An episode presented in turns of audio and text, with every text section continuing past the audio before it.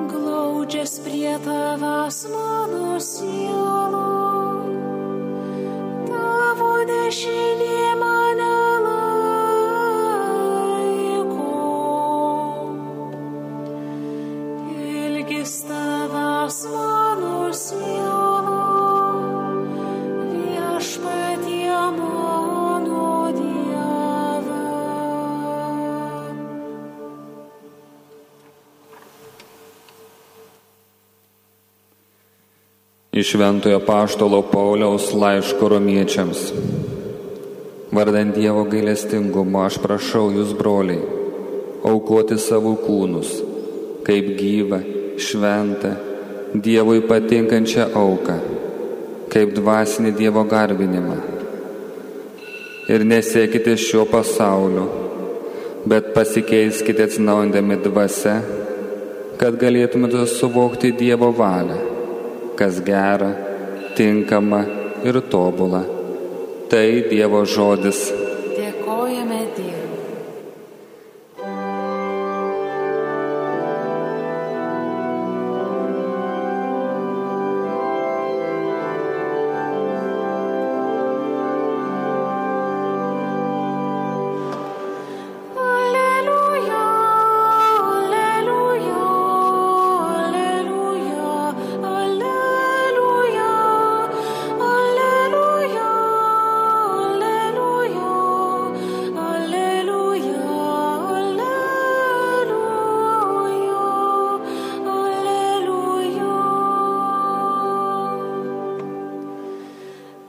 mūsų viešpaties Jėzaus Kristaus tėvas te apšviečia mūsų dvasios akis, kad mes pažintume, kokia yra viltis, į kurią mes esame pašaukti.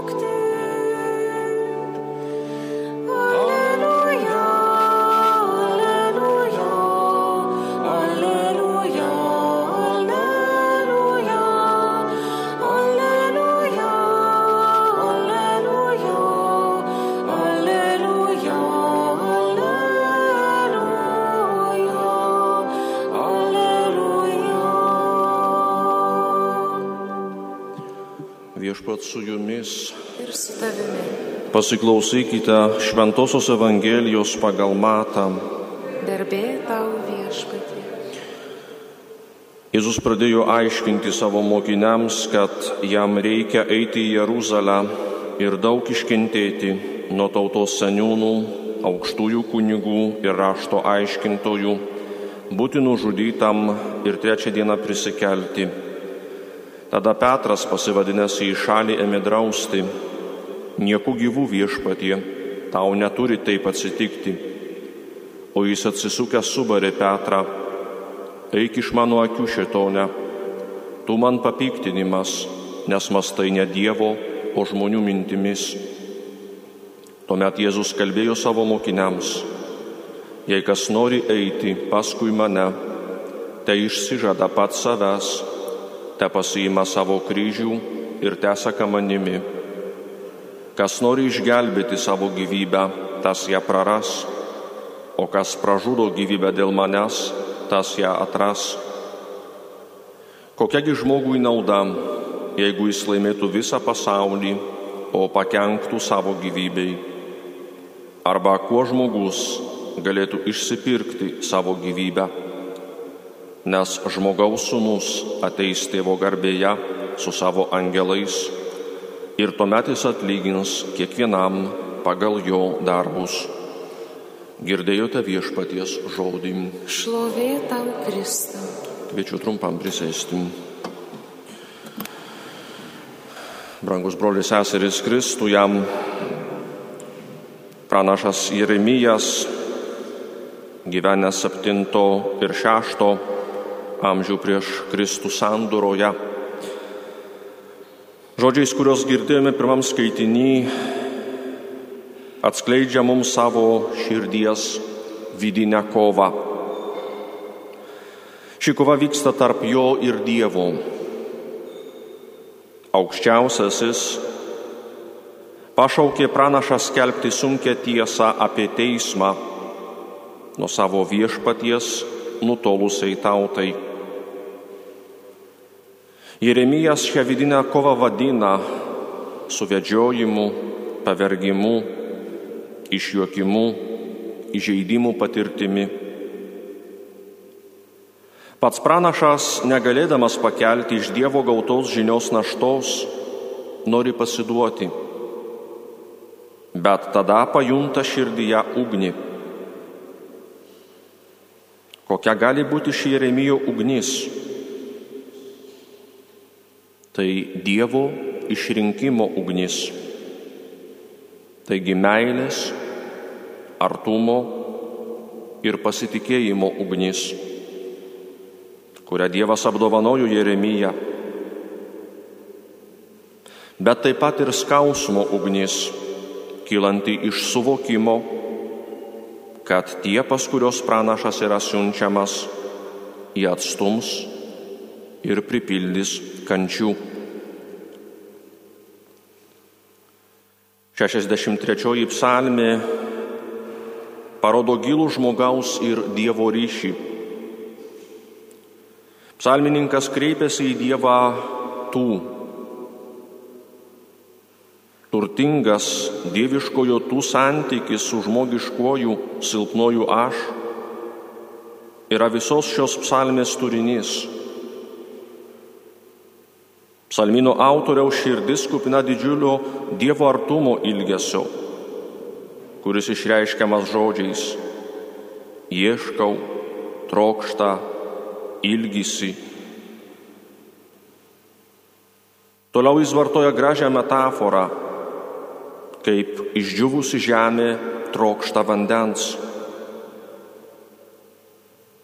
Visa psalmė gali būti ir gili malda šiandienos tikinčiajam, kiekvienam žmogui, trokštančiam gyventi Dievo gyvenimą, kadangi tik Dievas gali išpildyti mūsų troškimus.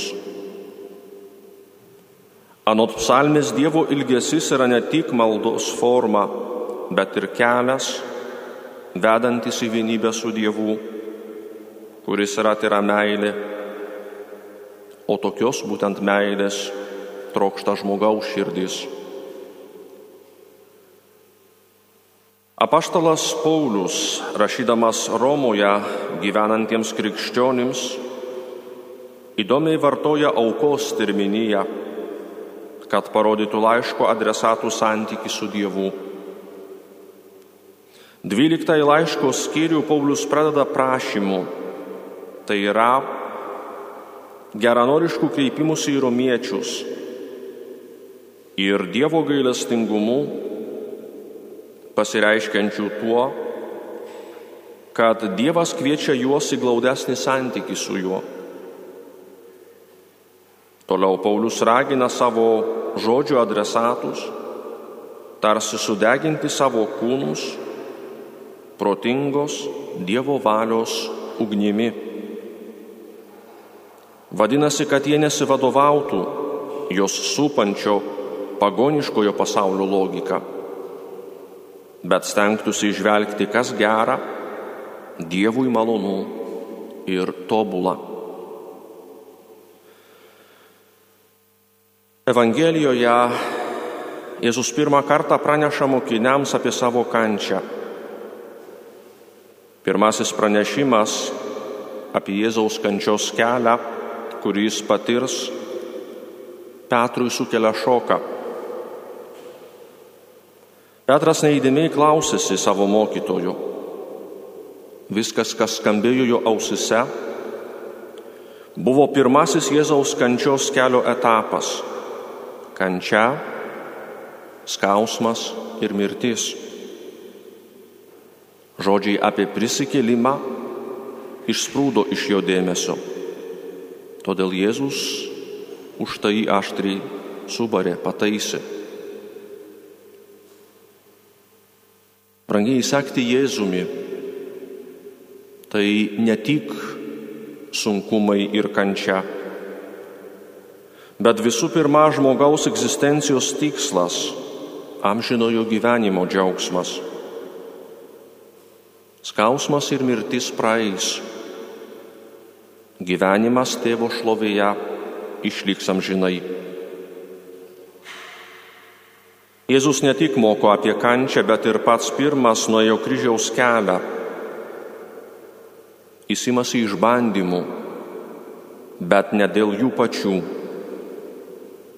Jėzus suteikia gyvenimo turinį ir tikslą tiems, kurie įseka, juos seka. Imti kryžių, su kuriuo susidurėme gyvenime, nėra lengva. Todėl šiandien karštai melskime Kristų, kuris žvelgia į mus su meile ir yra mums mokytojas, kaip pakelti, kaip nešti mūsų kryžių. Tad pabaigoju šio pamastymo melskimės žodžiais, kuriuos užrašė viename iš mūšių žuvęs kareivis. Šios maldos žodžiai buvo rasti jo kišenėje. Aš meldžiau sveikatos, kad galėčiau daryti didelius darbus. Man buvo duota silpna sveikata, kad galėčiau daryti gerus darbus prašiau turtų, kad galėčiau būti laimingas, man buvo duotas skurdas, kad galėčiau tapti išmintingesnis. Prašiau stiprybės, kad žmonės manimi žavėtųsi ir girtų. Gavau silpnumo, kad jausčiau, jog Dievas visada yra šalia manęs. Prašiau daugybės dalykų, kad galėčiau džiaugtis gyvenimu. Gavau gyvenimą, kad galėčiau džiaugtis daugeliu dalykų. Negavau nieko iš to, ko prašiau, bet gavau viską, ko man reikėjo. Nepaisant mano prašymų, mano neišsakytos maldos buvo išklausytos. Esu tarp žmonių labiausiai palaimintas. Amen.